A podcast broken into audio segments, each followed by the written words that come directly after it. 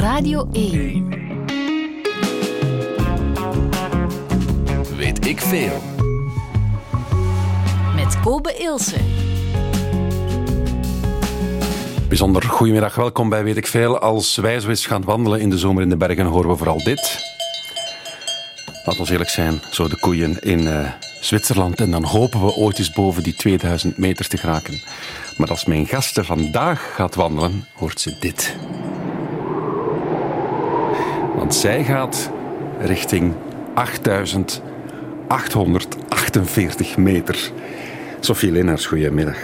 Dank u voor de wind, dat is gerust. Ja, je voelt, het, je voelt je helemaal thuis nu, hè? Voor mij cozy. We gaan het hebben over de Seven Summits. Wat zijn de Seven Summits? De Seven Summits. Het is de hoogste berg van elk continent. En we hebben zeven continenten, dus dat zijn de hoogste bergen van elk continent. En jij hebt niet alleen heel veel kennis daarover, jij hebt op elk van die Seven Summits op de top gestaan. Ik heb dat mogen meemaken. Mag ik daar nu al echt waar ongelooflijk veel respect voor hebben en bewondering? Nee, dat hoeft niet. Nee? Maar dat wil dus zeggen dat jij op Mount Everest hebt gestaan? Ja, ja dat klopt. Je hebt op de Kilimanjaro gestaan? Ja. Hoeveel ken er nog?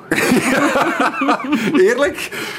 Mm, niet zo heel veel, want het, het, het, het waren een beetje... Ah, ik heb natuurlijk een, een dossiertje gelezen, maar het waren namen die ik niet kende. Dus ik, ik, ik heb heel veel vragen voor u. Oké. Kunnen we daar een, een 50 minuten over babbelen? Ik denk het wel, hè? Oh, gemakkelijk. Gemakkelijk, hè?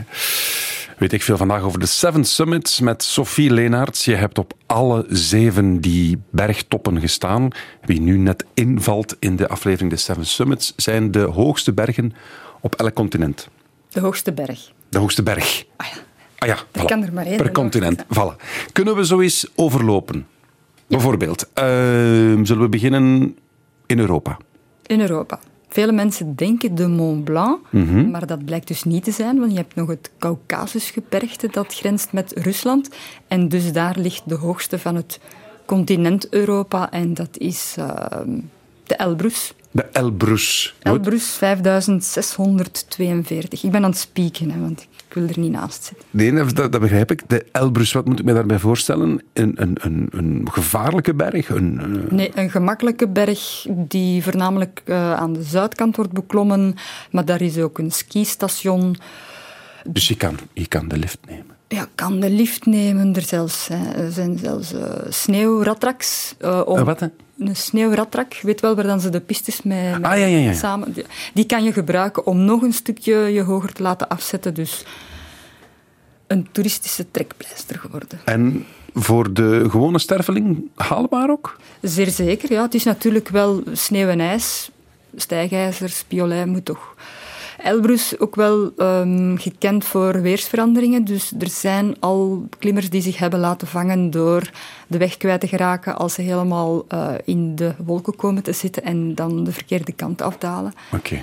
Dus ehm, ja, Dus niet gewoon een rugzak nemen, wandelschoenen aan en we gaan eens naar de top. Nee, het is, het is Zou- wel iets meer. zou kunnen in goed weer, toch wel. Ah, Dus oké. Technisch een gemakkelijke berg, ja. Alright. Eh, Afrika? Afrika, Kilimanjaro. Ja. Ik denk dat vele mensen die kennen, net geen 6000 meter. 5895 zie ik er staan. Ja, Dat is heel mooi, hè? Heel mooi. Lijkt mij. De- zo in de, in de, in de, ja. de- de- het clichébeeld van de witte besneeuwde top in de, in de, in de savanne bijna, echt, hè? Ja, eerst de jungle nog. Eerste jungle. Ja, ja, ja, en dan zie je die eh, overgaan naar savannen en zo. En dan wordt het helemaal eh, stofferig en, en rotsig. En dan heb je helemaal op het einde ijs. Dus heel, heel leuk, ja. Mhm. Moeilijk?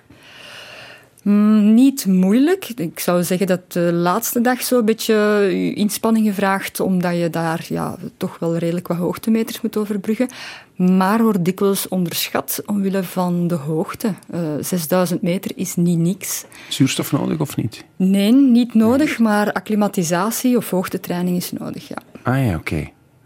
Vanaf wanneer is dat eigenlijk dat je hoogteziek kan worden? Dat kan al van zeer vroeg. Ik denk van 2500 kunnen al de eerste symptomen eh, ontstaan. Amai, er zijn ook mensen die bijvoorbeeld gaan skiën. eh, en die dat bijvoorbeeld in Zwitserland gaan doen op een hoge gletsjer. En die op 3000 meter al echt wel problemen hebben. Dus dat hangt van iedereen een beetje af. En is hoogteziekte een, een, bij wijze van spreken een doodsvonnis dan, als je zo hoog zit? Dat kan als de symptomen genegeerd worden. Uh, bijvoorbeeld als je symptomen krijgt en je zou zeggen van ja, ik trek me daar niks van aan, je blijft hoger, hoger, hoger, hoger gaan, dan worden die symptomen erger, erger en dat kan dat leiden tot hersenudeem, longudeem en daar kan je van sterven. Want wat is hoogteziekte? Dat is je lichaam dat reageert op, op te weinig zuurstof? Of, of, Ja, dus er is nog altijd evenveel zuurstof, maar door de lagere uh, druk kan je minder zuurstof opnemen en dan uh, kan het zijn dat je lichaam gaat uh, vocht opstapelen op de verkeerde plekken in je longen, gaat vullen dus met, met, ja, met vocht. Mm -hmm. Of je hersenen gaat beginnen vullen met vocht en dat geeft dan druk. Ja, en dat kan dus uh, dodelijk zijn, maar dan spreken we eerder van dodelijk als we naar echt hogere bergen gaan. Ja, ja oké. Okay. Noord-Amerika zitten we. Wat is daar de hoogste? Noord-Amerika is Denali. Denali ligt in Alaska. Magnifieke, prachtige berg. Dat zal wel. Maar redelijk uh, pittig. Uh, kan daar heel veel stormen. Um, ja, is toch wel veel hoogtekampen nodig om daar te geraken. Dus daar heb je toch wel echt alpine ervaring voor nodig. En uh, niet te onderschatten. Nog altijd dodelijke accidenten, frostbites. Um, en ik denk maar een ratio van 45 procent, 50 procent die, de kan, die, die de top houdt. Uh, niet overlijdt, toch niet? Nee, nee, nee. nee, nee, de nee, gewoon, ja, ja, okay. Er niet geraakt ja, ja, ja. door de omstandigheden van al die... Die is 6168 meter, zie ik hier. Ja. Ja, Alaska, dat is... Dat is eigenlijk een soort droomlocatie voor mij, omdat het daar heel wild, heel ongerept is, lijkt mij. Ongelooflijk Klopt dat? mooi. Ja? ja, zelfs de vlucht al daar naartoe. Ik denk dat ik in Düsseldorf vertrokken ben en dan vlieg je eigenlijk over de Noordpool. En zelfs in de vlieger was het al constant buiten kijken. En al wat je ziet, sneeuw en ijs, dat is onvoorstelbaar. Je kan dus Düsseldorf, Alaska, die vlucht bestaat. Dat is op um, Anchorage, denk ik, dat Ah, je oké. vliegt. Ja, um, mooie vlucht. Allee, ja, indrukwekkende vlucht al op zich. En uh, ja, Alaska op zich is gigantisch groot, vol met natuur. En, en ja, dat, dat, die afstanden, dat kunnen wij ons niet voorstellen. Nee. nee. Oh, ik ben er... Ik zal er doodgraag eens naartoe gaan. Dus dan gaan we naar Zuid-Amerika. Wat is daar de hoogste? De Aconcagua.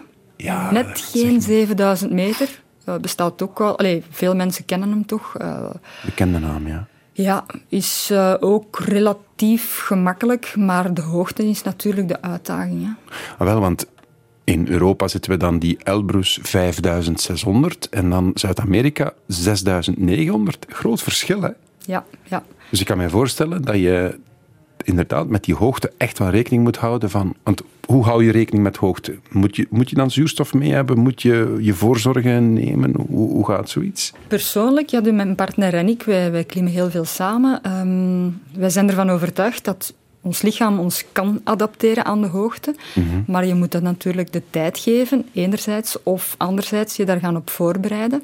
Preacclimatiseren, noemen wij dat dan. Maar wat is dat precies? Preacclimatiseren is ervoor zorgen dat je lichaam de kans krijgt om zich te adapteren. En we hebben een lichaam dat fantastisch veel kan en we kunnen ons aanpassen aan de hoogte, maar je moet dat leren. Oftewel leer je dat door uh, hoogtetraining of ga je op hoogtestages, eigenlijk wat dat de wielrenners doen. Mhm. Die doen ook aan hoogtestages, maar dan voor andere redenen. Ja. Um, maar ja, je kan ook hoogtestages doen om naar de bergen te gaan. Of je kan zeggen, ik ga preacclimatiseren op de berg. Dat wil zeggen, je gaat hoger klimmen, uh, je gaat terug naar beneden. Volgende keer nog hoger klimmen. Terug Ah. naar beneden. Zodanig dat je lichaam elke keer die prikkel krijgt van oh, ik moet hier iets doen, want ik heb hier in één keer niet genoeg zuurstof, maar ik moet nog wel ja, je spieren in gang krijgen en zo. Dus, Want zo'n zo wielrenner hoogtestage, dat is voor, als ik me niet vergis, de rode bloedcellen? Ja, dus die zorgen voor het zuurstoftransport in je lichaam. Dus hoe meer dat je van die camionnetjes hebt om zuurstof te transporteren, natuurlijk hoe beter dat je kan functioneren. Mm-hmm. Maar er zijn nog andere systemen uh, die in je lichaam optreden. Dat is dan meer op cellulair niveau. En dat kan je doen door hoogtetraining. En dat kan ook hier. Hier staan, bestaan toestellen die je kan huren, die je in huis kan zetten, die je ja, kan gebruiken om, om daarop te trainen. Ja. En dan ga je je lichaam eigenlijk gaan ja, leren om zich te adapteren aan de inspanning die je gaat doen. Oké, okay. en hoe lang duurt dat? Ehm, Ben, ben je na een dag of twee al, al aangepast? Of nee, moet je daar ja, echt dat gaat uren heel en rap. uren- Ja, Ah, ja. eh, de, de prikkels die komen heel rap binnen. Dan spreken we inderdaad over, ja, eh, je gaat sneller gaan ademen hè, om meer zuurstof binnen te krijgen. Mhm. je, je hart gaat harder beginnen kloppen. Ehm, ook in rustpositie ga je sneller ademen en gaat je hartslag hoger zijn. Dat is de- het eerste proces dat, dat gaat deelnemen in je lichaam. En dan natuurlijk begint het op cellunair niveau te gaan werken. Dat kan je doen door hoogtetrainingen. En daar spreken we toch van vier weken op voorhand om daar eh, op te beginnen trainen. Want ze zeggen dat hè, als je op grote hoogte of, of op hoogte een trap moet doen, dat je heel snel buiten adem bent. Dat komt dan puur omdat die zuurstof in je lichaam niet, niet genoeg wordt. Je kan niet genoeg opnemen, Ja, ja, maar je, je spieren vragen wel zuurstof natuurlijk. Dus ja, wat ga je dan doen? Ja, sneller gaan ademen of dieper gaan ademen om dus proberen meer zuurstofmoleculen binnen te trekken. Dan gaan we naar Azië. De daddy, de Mount Everest. Big E. De big, is dat de Big E? Ja, ik weet niet. Ja, Je verzint dat hier ter plekke. ja voilà, de Big E. Everest, ja, ik denk dat iedereen wel Everest kent natuurlijk. 8808. En hij zou elk jaar nog groter worden. hè? Is dat niet zo? Of is dat een mythe? Het lijkt mij logisch als de continenten tegen elkaar blijven duwen, zou hij moeten blijven groeien. Ja. Tenzij natuurlijk de ijskap, allee, de, het ijs zou wegsmelten, dan wordt hij kleiner. Ah, dan gaat hij terug in zee zakken. Het zou kunnen. Is dat de mooiste ook? Is dat de, de nummer één voor jou ook, omdat het de hoogste... Nee. Nee, het is, het is een hele mooie grote uitdaging, dat wel, maar nu om te zeggen het is de mooiste, nee. Allee, ah, daar schrik ik nu van. Ik zou verwachten, ja, 8000, dat is toch zo een unieke ervaring als je Size doesn't matter, hè. Oh, pas op. Nee, het is, het is niet omdat hem de grootste of de hoogste is, dat hem daarom de mooiste is. Ik, ik, eh, ik heb hele mooie herinneringen aan andere bergen, omdat ze unieker zijn op hun eigen manier. En Everest is een beetje het slachtoffer van zijn eigen succes. Er loopt heel veel volk. Mhm. En dat, dat, ja, dat, dat breekt het een beetje af, vind Meen ik. je dat echt? Is dat echt toerisme? Ja. Kan je dat bijna zo noemen? Ja, zeker en vast. Ja. En, en wat moet ik me daar dan bij voorstellen? Zijn dat honderden mensen tegelijk? Is dat echt een, er bestaat zo'n foto, ik weet niet of, of, of ze echt is, dat er echt een soort file is naar de top. Dus dan klim je tot 8840 meter, moet je nog die laatste 8 meter echt aanschuiven in een rij. Maar die kan file dat? is van veel lager op de berg. Die file is gigantisch lang. Allee, Omdat er gewoon heel veel mensen zijn die op exact hetzelfde moment allemaal op die kleine top willen geraken, die amper eh, drie op vier meter is, bij wijze van spreken.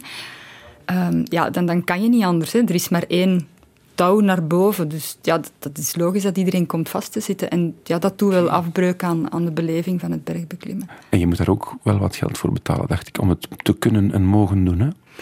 Ja, en de overbevolking zorgt ervoor dat ze nu de permits nog duurder gaan maken. Dat in mijn hoofd ergens de verkeerde context is. Je moet het niet duurder maken, je moet misschien beperken om er zoveel Mhm. mensen op te laten. Wat kost dat? De permit aan zich was vorig jaar of dit jaar 11.000 dollar, denk ik. Ehm, en die gaan ze nu optrekken. Ik weet niet tot hoeveel dat ze het gaan optrekken. Maar dat maakt als je hem wilt beklimmen dat je toch moet rekenen dat een minimumbudget rond de 25.000 zit. Maar dat is de, de, de laagste prijs, denk ik. Hè. Die, er zijn ook veel zottere prijzen. Hè. Hoezo? Ja, als je zelf je rugzak niet wilt dragen, dan ga je een extra Sherpa inhuren. Als je zelf eh, dit niet of dat wilt doen, dan ga je nog een extra eh, Sherpa inhuren. En En dan wat wil je kost zo'n Sherpa dan? Een paar duizend dollar. Ja, dat hangt ervan af welke luxe dat je nog wilt in het, eh, in het basecamp. En, en zo zijn er prijzen van 80.000, 160.000. Wauw. The sky is the limit. Hè. Letterlijk en figuurlijk. En dan gaan we naar Antarctica. Ja, Voor de... dat is de, ehm, de Vinson-massief, 4820. Klinkt niet zo hoog ineens, omdat we van de Everest komen, 8800. Maar ja, Antarctica... Magisch, hè? Ja, die omstandigheden ze moeten daar toch extreem zijn. Ja, ehm, ik moet zeggen, ik krijg altijd kippenvel als ik eraan terugdenk. Want ik gewoon al voet zetten op, die, op dat continent vond ik gewoon... Allee, dat is mind-blowing, hè. Wie, wie, wie zet daar nu voet? Ja, neem ons eens mee. Hoe, hoe, hoe reis je naar daar? Ja, ik heb de chance gehad dat dat nog was met een... ehm, ja, eigenlijk is dat een vrachtvliegtuig, een Russisch vlag, vrachtvliegtuig. Dus dat was eh, heel onwezenlijk. Nu is dat al een boeing geworden, denk ik, eh, die er kan landen. Want die landt letterlijk op het ijs. Ehm, ja, en daar zijn, dat is ja, zover als dat je kan zien, is dat gewoon letterlijk zeeën van ijs. En, en dat heeft geen einde, dat is gigantisch groot. Dan, dan voel je je zo nietig. Ja, mens heeft daar eigenlijk niks te zoeken, maar ik ben, ben toch blij dat ik er geweest ben. En is dat dan min 30, min 40, min 50 dan? Ja, dat zijn inderdaad die temperaturen, maar dat voelt zo niet aan. Ik zou zeggen, ik kan soms kouder hebben hier in België als het min 10 is, dan dat ik daar zat op min 30. En dat heeft te maken met de vochtigheid. Ah ja. Ja, het is daar dus hele droge lucht en de, de koude voelt daar anders aan. En dat zo'n massief, dat is, dat is echt letterlijk op het, het, het puntje van de aarde? Of moet ik me dat voor? Of is dat... Het ligt niet op het puntje van de aarde. Um, het heeft verschillende massieven en die liggen eerder langs de, de buitenkant, zou ik zo zeggen, van, mm -hmm. van Antarctica. Want Antarctica is echt verschrikkelijk groot. En die massieven zijn soms ja, 20, 30 uh, kilometer uh, lang. Dus je hebt daar heel veel bergen. Oké. Okay. En dus... Uh, maar is dat dan, zijn dat ijsbergen of is dat ook gesteente? Nee, dat is, dat is echt gesteente. Dat is gesteente. Ja, ja, ja. Okay. Dus die zitten eigenlijk... Ja, in feite zien we eigenlijk maar het topje. Hè, want er zit verschrikkelijk een, een verschrikkelijke ijsmassa bovenop. Dus Mhm. eigenlijk zijn die bergen nog veel groter. Maar ja. Weet ik veel? En weet ik veel nog wat extra uitleg van Sophie Leenaerts, want die is op Antarctica geweest en zij geen pinguïn gezien.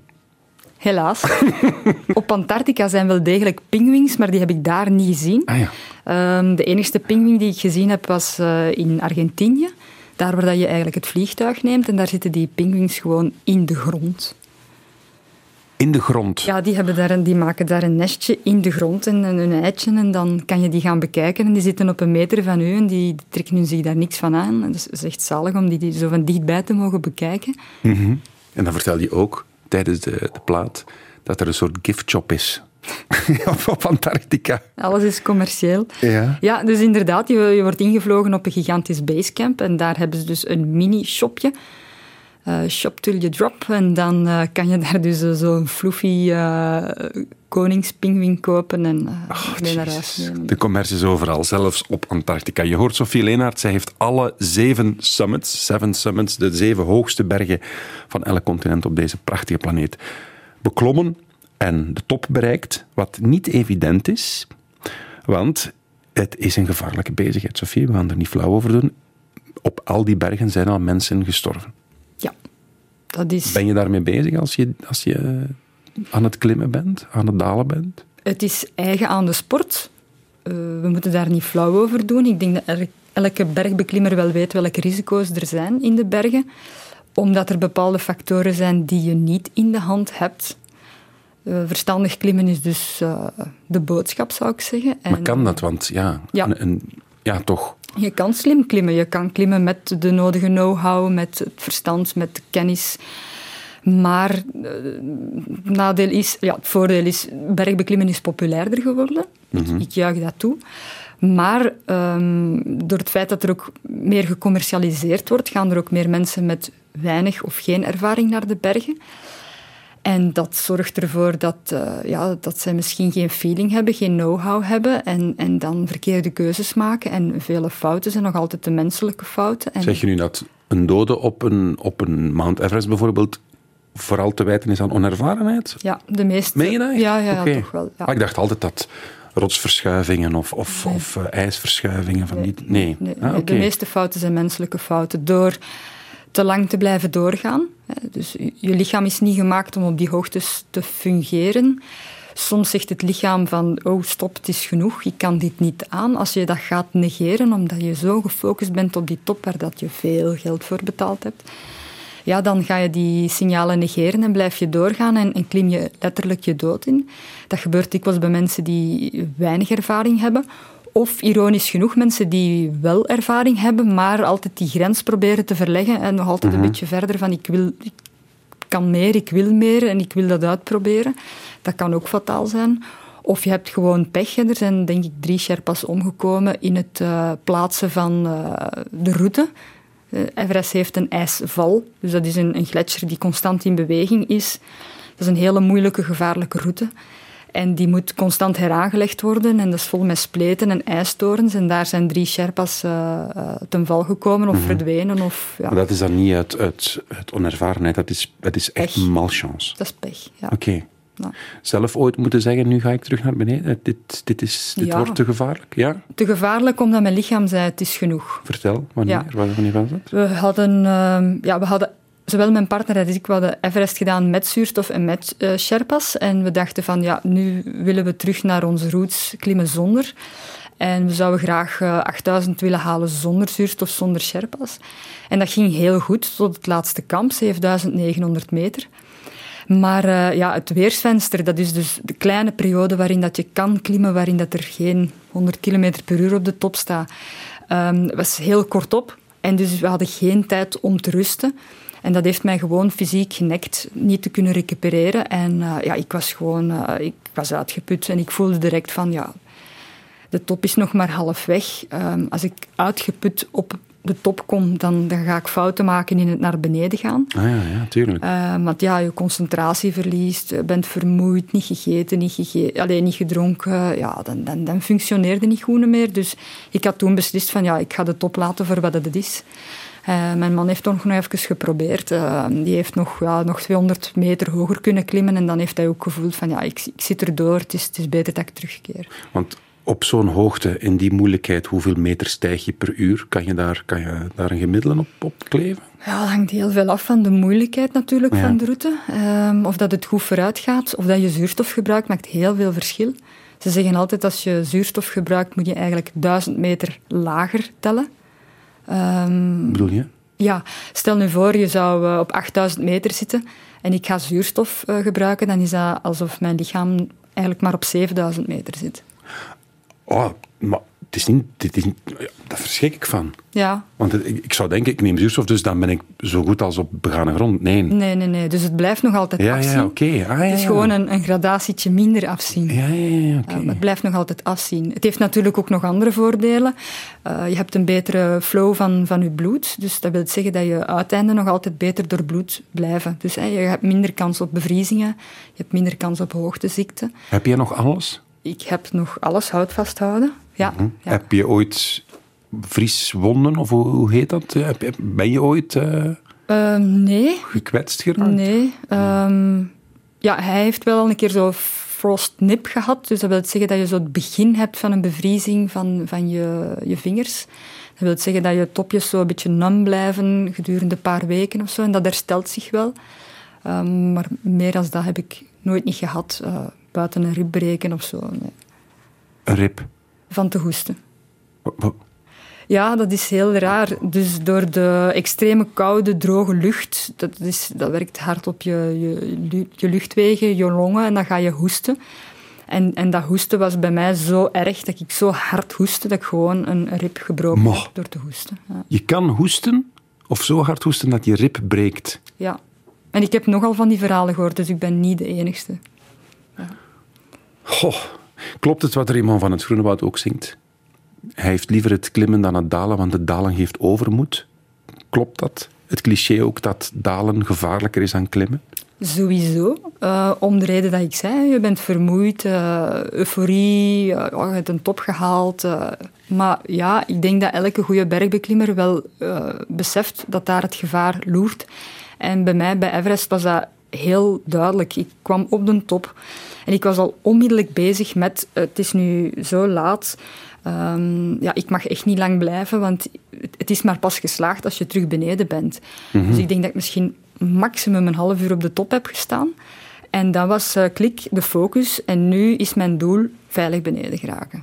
Nu je dat zo zegt, mag ik, mag ik dat nu eens vragen? Ik ga die wind even opzetten terug. Is dit... Neem ons eens mee naar de top van Mount Everest. Is, Het is- mooiste oh, moment ja. was, was eigenlijk niet de top. Het mooiste moment was, ik had een eh, uur aan een stuk de, de steile klim gedaan totdat ik kwam op de graad.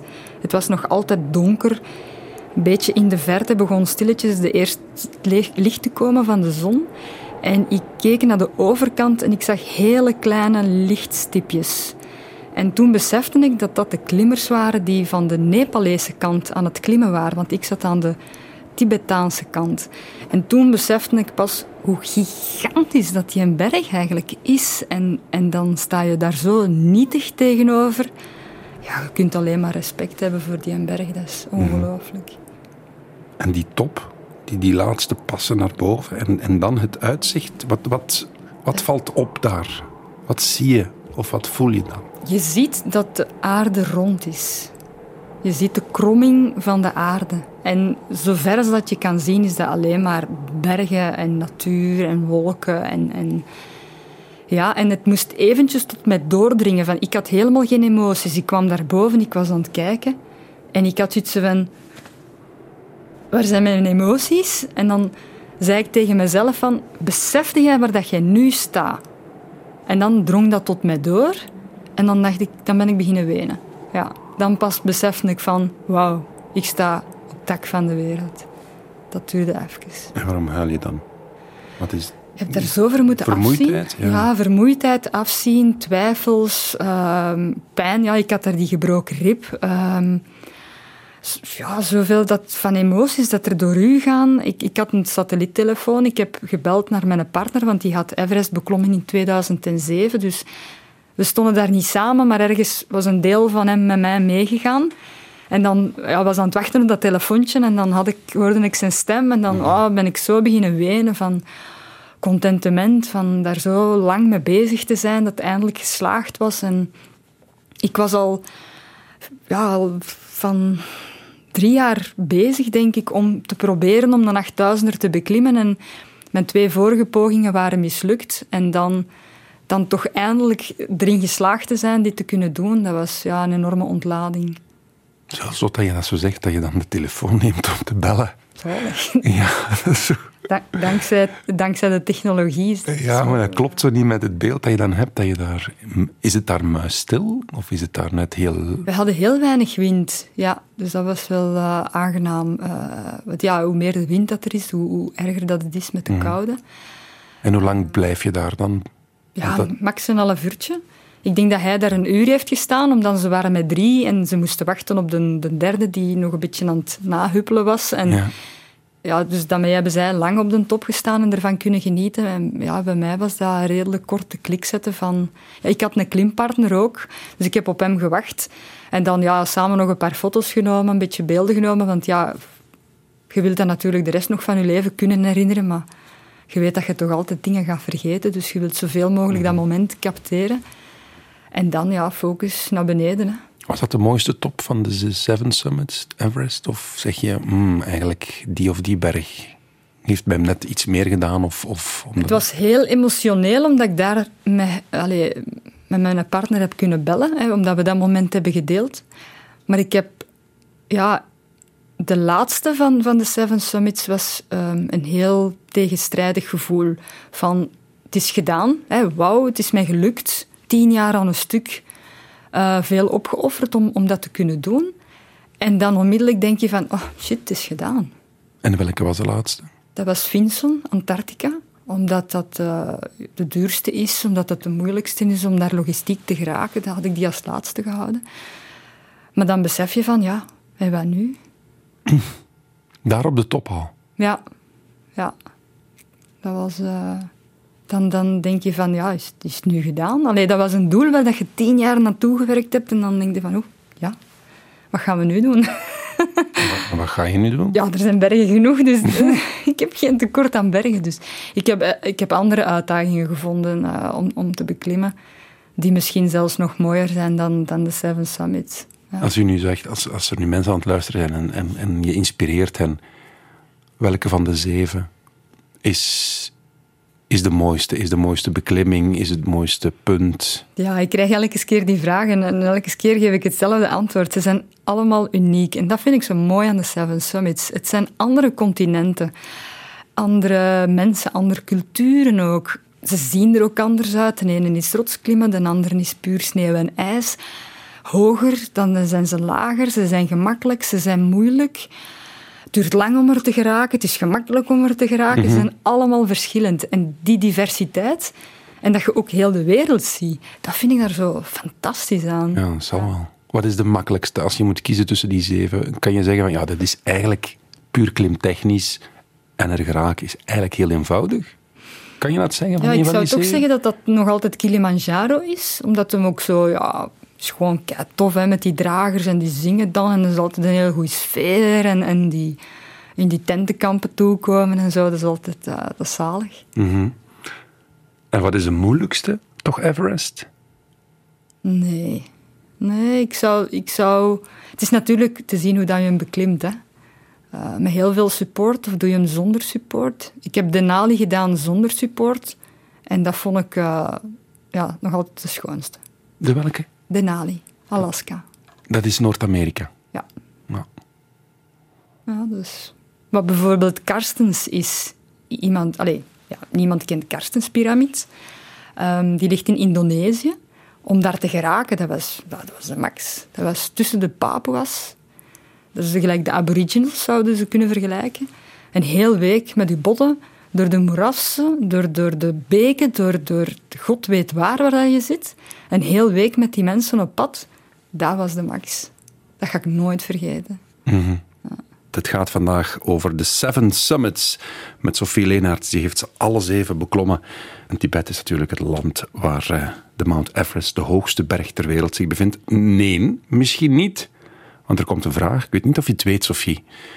Bert van der Meulen stuurt in de app. Naar het schijnt is de hoogste berg ter wereld niet de Everest als je van het middelpunt van de aarde gaat meten, maar een berg in de Andes. Ja, dat klopt. Ik denk dat is het waar? Chimborazo is, ja. Wacht, dan moet je dat nou wel eens even uitleggen. Ja, dus te zien van waar dat je begint te meten natuurlijk. Als dat van de begane grond is, of je begint te meten van de, de kern van de aarde, dan is er een verschil. Oké. Okay. Ja. Maar je gaat wel voelen dat Everest hoger is. Hoezo? Ja, omdat je daar minder luchtdruk hebt. Dus sowieso gaat Everest altijd zwaarder zijn dan, uh, dan de Chimborazo. Maar dus de hoogste berg ter wereld is eigenlijk niet... Als je het puur meet van de kern van de aarde, is de Everest niet de hoogste berg. Is of de meeste van de- landmassa zit er niet tussen, Ja, bij wijze van zoiets, spreken. Ja, Ja. Het heeft daar iets mee te maken, dus slag me niet dood als ik niet 100% correct ben, maar eh, daar komt het wel op neer. Ja. Bert van der Meulen, 44 jaar uit Sint-Okorzeel. Dank u wel om dat even door te sturen in de Radio 1-app. Andere luisteraars mogen dat uiteraard ook doen. Ehm, Sophie, zeven toppen, de zeven hoogste bergen per continent. Waarom doe je dat? Heb jij, mag ik dat vragen? Heb jij niks beters te doen? Want dat Jawel. lijkt me zoiets... Ik heb kijk uit te maken. Ja, Ja, voilà. want je bent het gezicht van kijk uit. Voilà, even reclame maken. Ja. Ehm, heb ik niets beter te doen. Ik heb heel veel verschillende sporten gedaan vooraleer dat ik aan het bergbeklimmen begonnen ben. Maar ik heb ja, een passie gevonden. Ik vind dat heel fascinerend te bergen, omdat dat daagt je uit als mens. Ehm, en en die uitdaging, die, ja, dat sprak me aan. Hoe daagt een berg jou uit als mens? Het is afzien op verschillende vlakken. Niet enkel, ja, mensen denken aan fysiek afzien, maar het is ook heel veel mentaal.